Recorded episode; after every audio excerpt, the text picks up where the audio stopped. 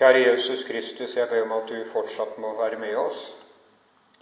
Takk, Herre Jesus, at du ser og hører oss og kjenner oss og veit hvordan det er der hvor vi bor, og du veit hva slags tid vi lever i. Takk at du kan komme til oss også i denne tida. Takk at du kan åpne hjertets dør hos mennesker, slik at de lytter og hører og tar imot deg. Be om at du må gjøre det også i vår tid. Og takk, Herre Jesus, at du gjør det for din nådes skyld, fordi du vil at mennesker skal bli frelst. Og så vil jeg be om at du da at du gir meg det jeg trenger for å undervise og tale, og for den teksten som vi skal samles om nå. Amen. Da er det Johannes' åpenbaring, kapittel 3, og vi leser fra vers 7 til vers 13. Det er til menigheten i Filadelfia. Og skriv til engelen for menigheten i Filadelfia.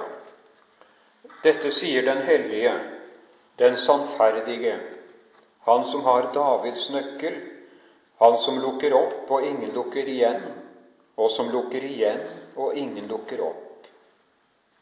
Jeg vet om dine gjerninger. Se, jeg har satt foran deg en åpnet dør og ingen kan lukke den igjen. For du har liten styrke og har holdt fast på mitt ord og ikke fornektet mitt navn. Se, jeg lar noen av Satans synagoge komme, de som kaller seg selv jøder og ikke er det, men lyver. Jeg vil gjøre det så at de skal komme og falle ned for dine føtter, og de skal forstå at jeg har elsket deg. Fordi du har bevart mitt ord om tålmodighet, vil jeg bevare deg fra den prøvelsens time som skal komme over hele verden, for å prøve dem som bor på jorden. Jeg kommer snart. Hold fast på det du har, for at ingen skal ta din krone. Den som seiler, ham vil jeg gjøre til en støtte i min Guds tempel, og han skal aldri mer gå ut derifra. Og jeg vil skrive på ham min Guds navn og navnet på min Guds by, det nye Jerusalem, som kommer ned fra himmelen fra min Gud, og mitt eget navn, det nye. Den som har øre, han hører hva Ånden sier til menighetene. Da er det en ny, nytt brev, kan vi godt si, som har et helt annet innhold enn det vi leste som tekst i forrige time. Her er det en menighet som eh, tar seg helt annerledes ut fra utsiden enn eh, menigheten i Sardes. Og eh, den beskrives som en menighet som har liten styrke, men som holder fast ved Hans ord, og som ikke har fornektet Jesu navn. Det sies også inn i denne menigheten 'Jeg vet om dine gjerninger'. Og så sies det ikke mer om det. Men Jesus Kristus han presenterer seg selv og viser en side ved seg selv som gir håp inn i denne menigheten. Dette sier den hellige, den sannferdige, han som har Davids nøkkel. Han som lukker opp, og ingen lukker igjen, og som lukker igjen, og ingen lukker opp. Her eh, taler Jesus om noe han kaller for Davids nøkkel. Og det må jo vise til kong David at han som konge over Israel, han hadde en makt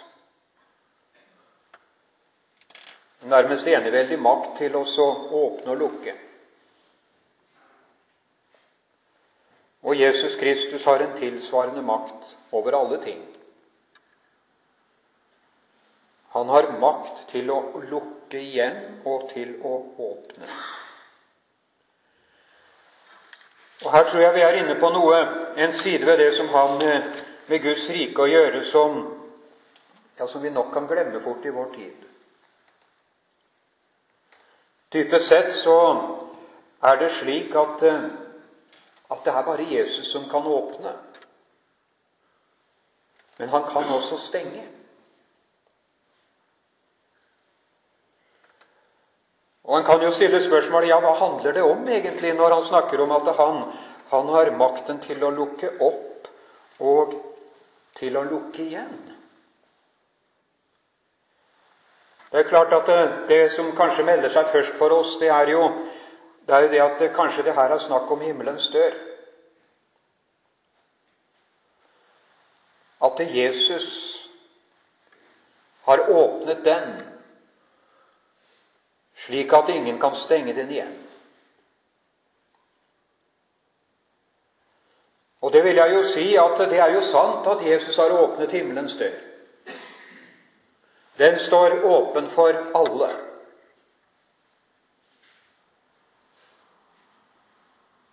Og en dag skal han også lukke den igjen.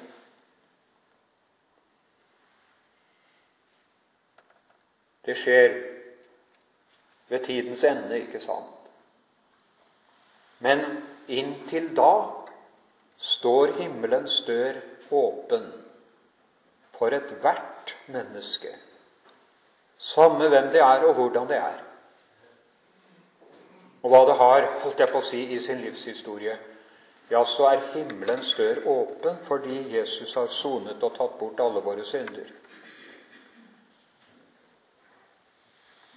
Himmelens dør er åpen. Ingen kan stenge den for noen. Men det kommer en dag da den likevel blir lukket igjen.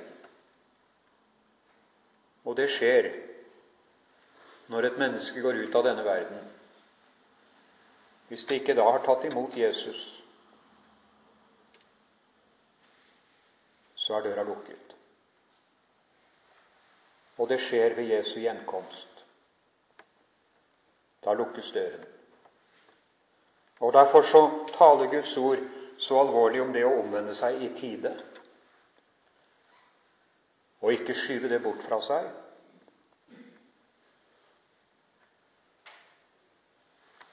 Det står en åpen dør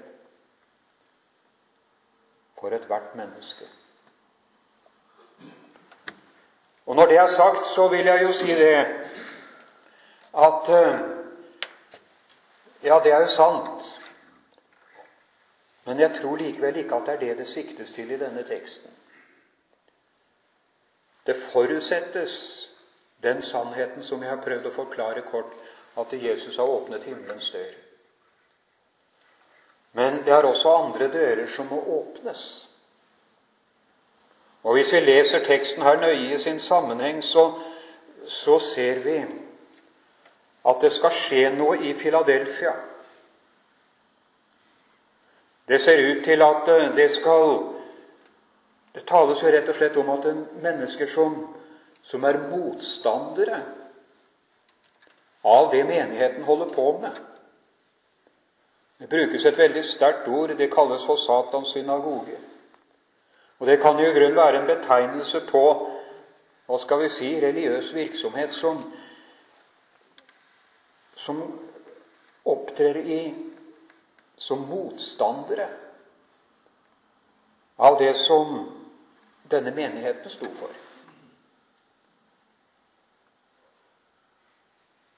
Det var jo sånn på den tiden, og det er jo sånn nå også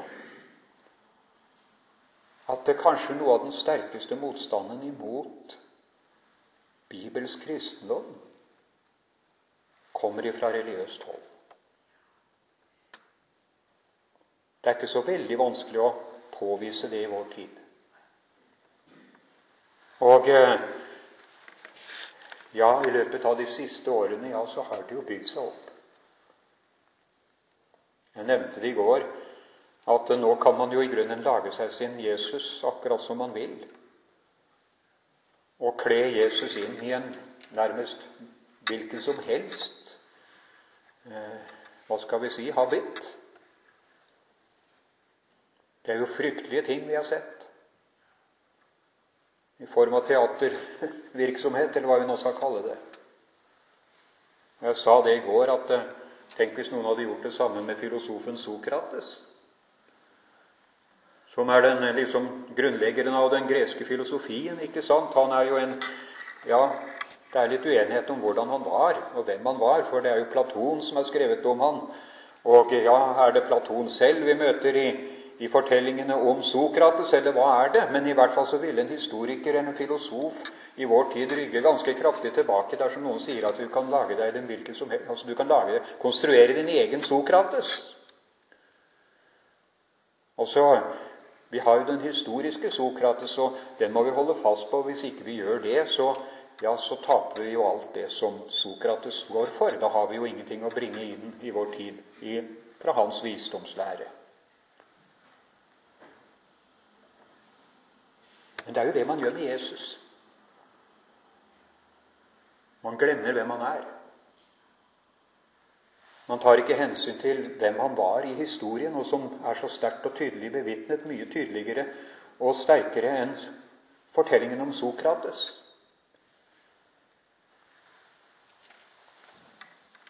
Jesus tilpasser seg ikke vår tid. Han er og blir den samme. Og så er det han som presenterer seg for menigheten som den som har Davids nøkkel, som kan åpne der ingen andre kan åpne. Og så ser vi jo tydelig at det er tale om å åpne vei inn i menneskets hjerter. Det skal åpnes en vei inn for den sanne Jesus, så langt jeg kan forstå teksten, iblant de som var Kirkens motstandere den gangen. Iblant dem som eh, de følte seg så maktesløse i forhold til.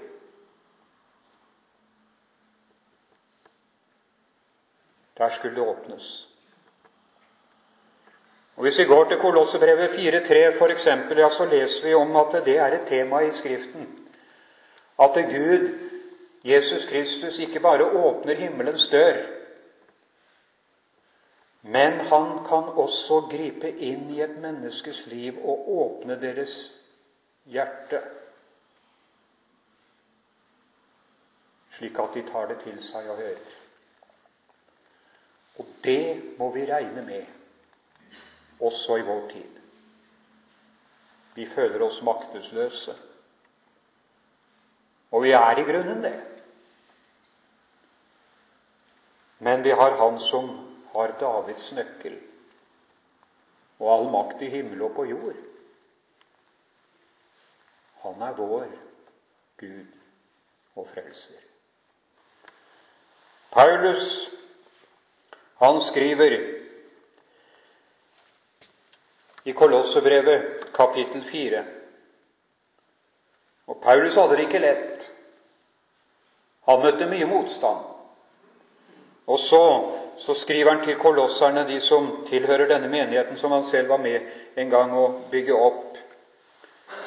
Be for oss, skriver han.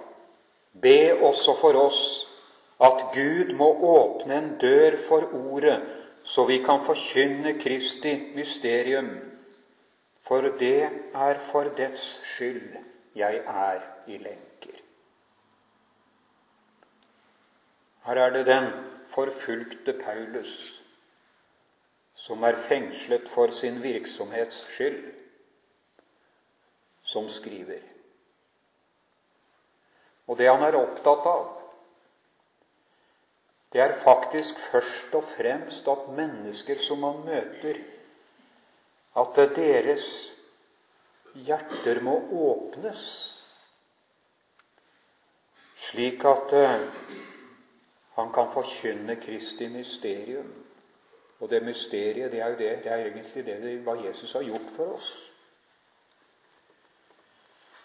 Og det er klart Vi lever i en tid der hvor vi kan snakke om at det er en veldig sånn kulturell hva skal jeg si kamp. Det er livssyn mot livssyn. Det er overbevisning imot overbevisning, osv., osv.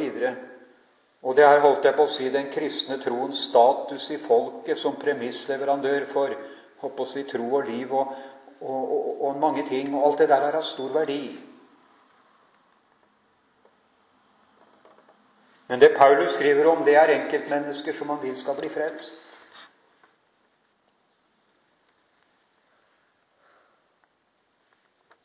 Det er viktig å kjempe på altså i politikkens arena og, og på, for livssynet og inn i Kultur-Norge osv. osv. Men en må ikke glemme at vi skal lenger inn.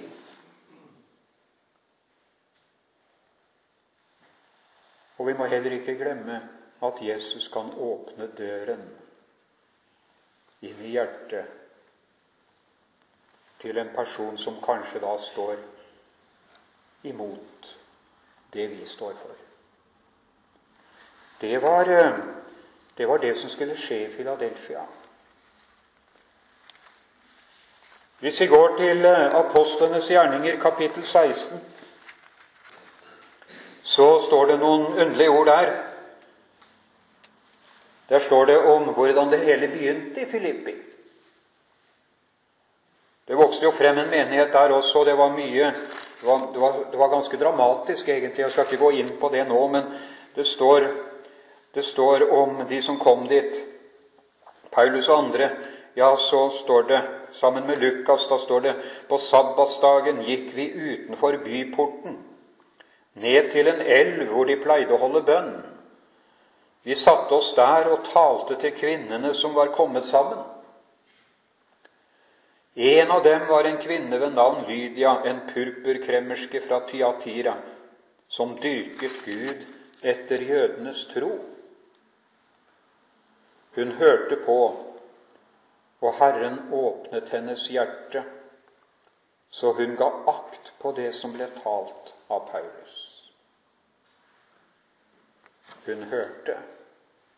Hun hadde allerede begynt å dyrke Gud etter jødenes tro. Det var en del grekere eller ikke-jøder som gjorde det. Og så kommer en rabbiner ifra, la oss si, som var jøde, og som da hadde kommet til tro på Jesus, og så begynner de å tale. Og mens de samtaler, ja, så, så åpner Herren hennes hjerte, står det. Og purpurkremmersker, det var nok ganske rike folk. Purpur var en dyr vare, og det var stor velstand. I Filippi ser det ut til. Og hun har et hus hvor hun innbyr disse som kom, at de kunne få komme til henne og bo der etter at hun var døpt. Det skjer at rike folk òg kan bli omvendt. Folk som lever liksom i en helt annen modus, holdt jeg på å si. Gud kan gripe inn i deres liv òg. Og det må vi ikke glemme. Det er Jesus som kan åpne hjertets dør hos et menneske. Og Her er det mange som har kommet langt utpå i livet. Og det er vel sånn med dere som med meg at du har noen du ber for. Som kanskje har kommet bort ifra det som de fikk høre der du vokste opp. Eller der de vokste opp. Og Så skal du få lov til å legge det fram for Gud. Han som kan nå mye lenger enn deg.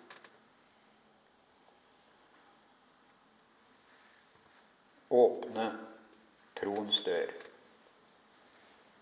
Hos de som ser så hva skal vi si tillukket ut og har så fryktelig mange motforestillinger og argumenter. Ja, en føler seg maktesløs i møte med det. Men vi har en Herre som er, har den makten som ikke vi har. Og Derfor så skal vi få være vedholdne i bønnen. Og så skal vi få legge en del ting framfor Jesus Kristus. Og så kan nok han nå frem. Jeg vet om dine gjerninger, sier Jesus. Se, jeg har satt foran deg en åpnet dør, og ingen kan lukke den igjen. Og så stiller vi det spørsmålet ut ifra Ja, hva svarer Gud på det? Hva sier Guds ord om det Vel, det spørsmålet? Hvis vi stiller det hvem er det? Hvem er de menneskene som, som det åpnes for her? Vi gjør jo så skrikkelig mye for å nå frem i vår tid, og det tror jeg er mye som er bra på mange måter. Vi var opptatt av det når vi var misjonærer, at vi måtte kommunisere slik at de forsto det vi sa. og Av og til syns jeg det gikk litt langt. Jeg skjønte jo etter hvert at disse peruanerne jeg møtte, de var ikke så dumme. De, de, de skjønte det mye fortere enn det vi var klar over, og de, som jeg tror at mange trodde på. Også I utgangspunktet at man skulle gjøre det så, så veldig enkelt, dette her, og det prøvde man jo på, ikke sant? Men det var smarte folk, mange av de. Og det lå en kraft i evangeliet. Mens ved denne lyd jeg hørte på at noen talte, ja, så åpnet Gud døren. Inni hjerter, og det husker jeg, det, det, er veldig rart det der å stå og preke overfor noen som ikke har kommet til tro, eller som kanskje går og lurer på hva de skal gjøre. Det. Av og til kan du nesten se det fra prekestolen. At hjertets dør står åpen. Det er farlig å tro det, kanskje, men av og til så, så må jeg si jeg har sett det. Men hvem er det Gud åpner for? Jo, menigheten beskrives på følgende måte. Du har liten styrke.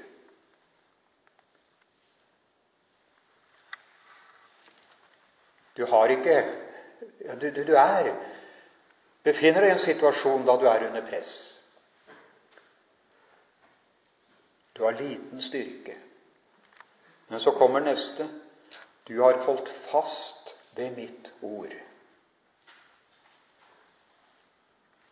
Du har, eh, du har ikke gitt opp kraften i Guds ord. Du holder fast ved det som Bibelen sier og lærer. Og så har du ikke fornektet mitt navn, sier Jesus. Jesu navn Ordet altså Når vi tenker på et navn, ikke sant, så, så ser vi foran oss en person. Det er eh, Jeg husker det var jo noen navn jeg ble kjent med i oppveksten, at de hadde forskjellige navn. og jeg, Når jeg hørte navnet på en person, ja, så så jeg for meg den personen og blei veldig forvirrende hvis en da plutselig hørte det var en annen enn nå som hadde samme navnet. For den personen kunne jo selvfølgelig være helt annerledes. Men personlighetskarakter og, og trekk ikke sant, det, det, knyttes til navnet. Det er et egennavn, som vi sier. Og sånn er det jo med Jesus òg. Jesu navnet, det De skulle kalle ham Jesus, sa engelen til Josef, for han skal frelse sitt folk fra deres synder. Og navnet betyr jo faktisk han som frelser. Han som døde på korset for å sone våre synder. Det er det som du ser for deg når Jesu navn nevnes, ikke sant? Det er de som fornekter det navnet. Det kom en bok for noen år siden som skapte en del oppmerksomhet skrevet av en dyktig ung teolog ved Menighetsfakultetet. Og i den boken står det Jesu død har ingen betydning for frelsen. Ja, det er voldsomt når man lærer det.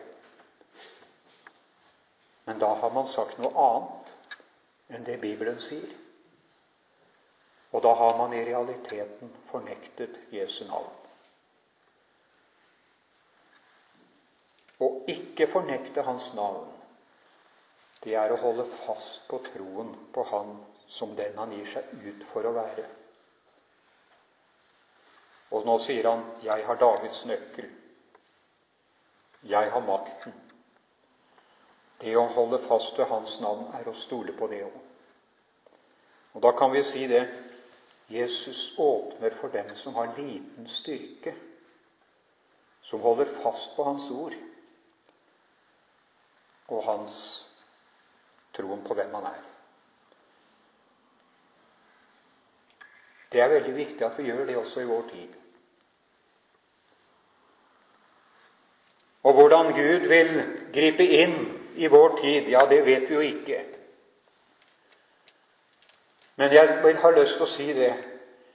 Vi må ikke gi opp trua på at Gud kan frelse mennesker også i vår tid. Og Vi skal også få lov til å tro at han kan nå dem som faktisk står i ja, stiller seg imot det vi tror på. Det har skjedd fra tid til annen. Det skjedde med denne mannen Saulus som var på vei til Damaskus ikke sant, og forfulgte menigheten. Han møtte Jesus på veien. Saul, Saul, hvorfor forfølger du meg? spør Jesus. Det å forfølge menigheten var det samme som å forfølge Jesus, og Paulus ble omvendt.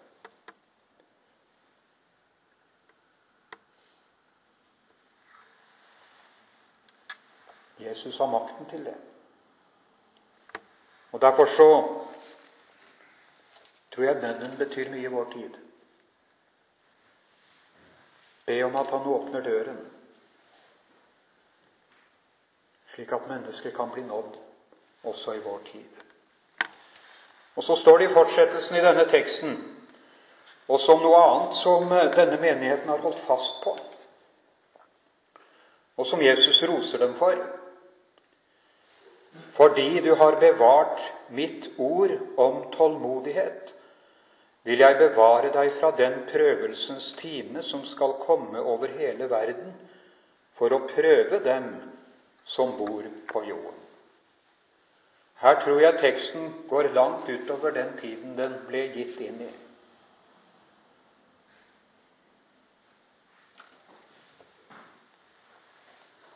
Det skal komme en tid der det, der det blir behov for å være tålmodig. Og som også vil innebære prøvelser og trengsler. Jeg er ikke av de som eh, arbeider veldig mye med endetiden og slike ting. Men en del har jeg lest. Og i vår tid så er det en oppfatning av endetiden som ja, den kalles preterisme. Og den går ut på det at alt det som står om trengsler og forfølgelse og slike ting i Skriften, i Matteus 24 og i åpenbaringen særlig, ja, det er et tilbakelagt stadium. Det ble oppfylt i Oldkirken. Og som følge av det så bygger man på profetier som blir gitt i vår tid, særlig fra 2000 og fremover, og utvikler det de kaller en veldig optimistisk forståelse av endetiden. Det skal komme en verdensomfattende global bevegelse som kalles Elias-generasjonen. Det skal bli en global, omfattende vekkelse. Det står og skrevet om det mange steder. I publikasjoner som, som kommer i bokform og på YouTube osv. Hvor man ser for seg en veldig sånn seierens tid som skal ende i Jesu gjenkomst.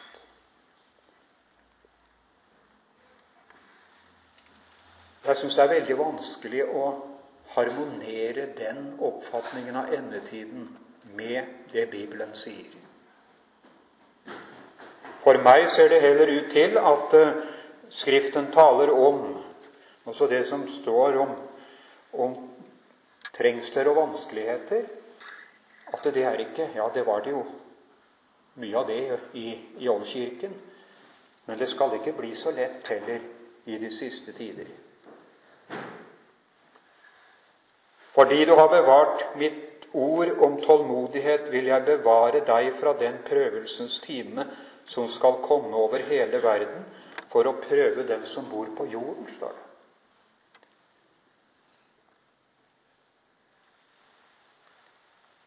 Tror vi må være forberedt på at det kan bli vanskeligere.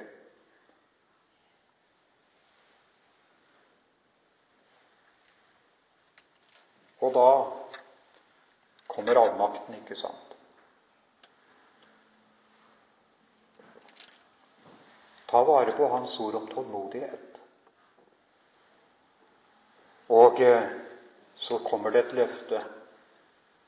Jeg vil bevare deg fra den prøvelsens time som skal komme.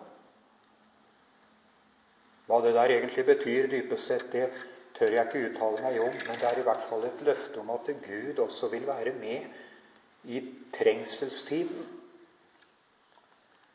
Og vi merker jo til noe til det i vårt land, men utover verden ellers så er det jo en forfølgelsestid.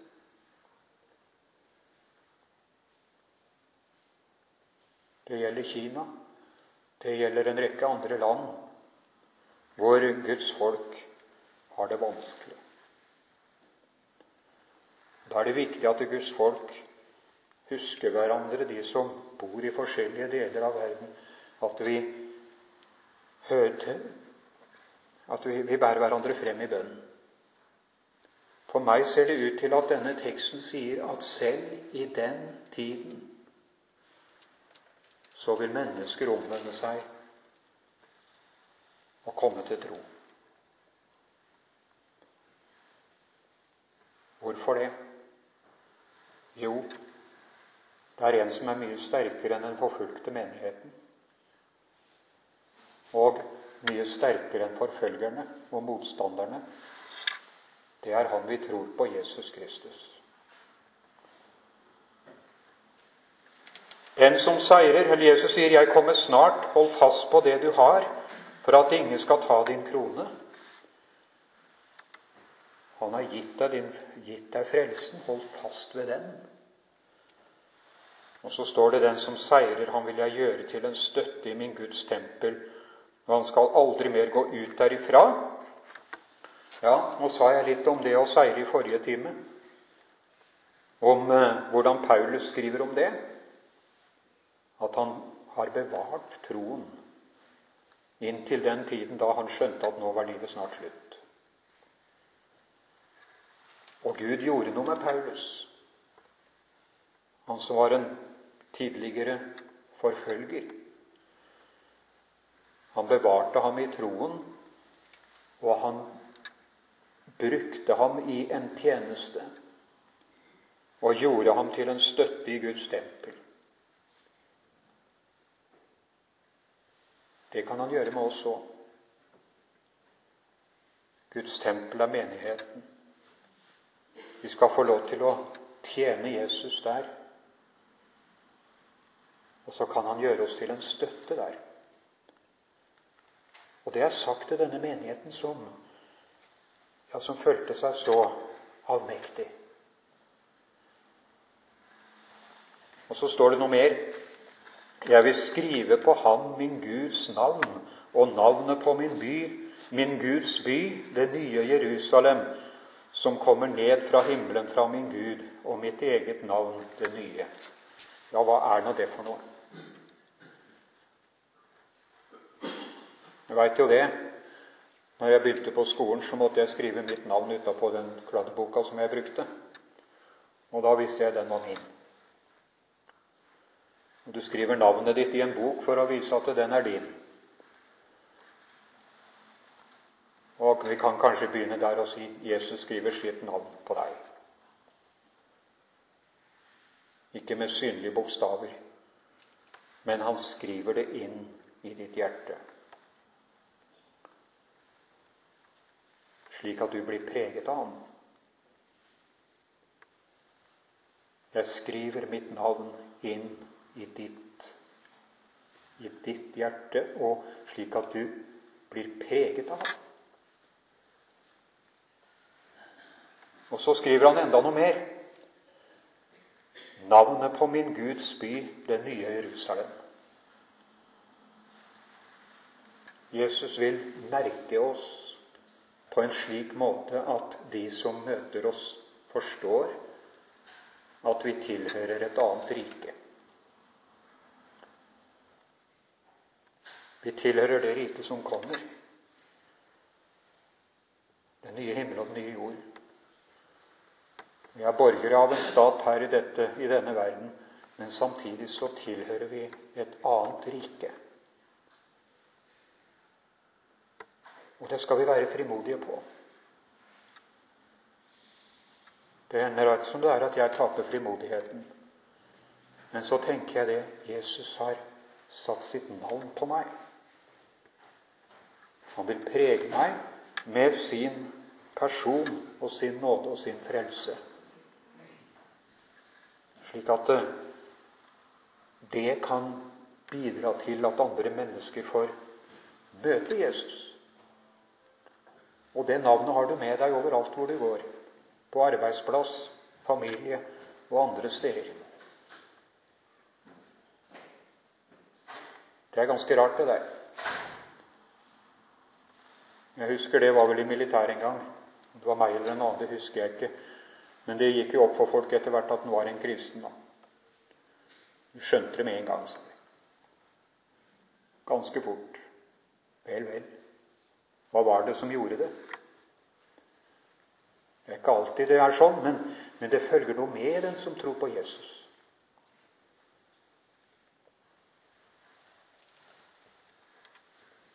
Ikke bare det jeg nevnte nå, men også vitnesbyrd om ham. Den som har øre, han hører hva Ånden sier til menigheten, står det nok en gang. Vi skal høre. Og det Ånden sier i vår tid, det er det samme som er skrevet i Guds ord. Vi skal ikke vente på hva han sier ut av veggen, eller hvor nå enn kommer fra, men det er ordet som må tales inn i vår tid. Takk, Jesus Kristus, for ditt ord til oss. Takk at vi kan samles fritt, Herre Jesus. Og takk at vi kan få forvente at du kan nå frem, selv til de som reiser seg i motstand imot deg. Og Jeg ber om det, Herre Jesus, at du åpner troens dør. Det kan bare du gjøre. Og du vil gjøre det, Herre Jesus. Nå frem til dem som vi ber for, for dem som ligger oss på hjertet, og nå frem til de som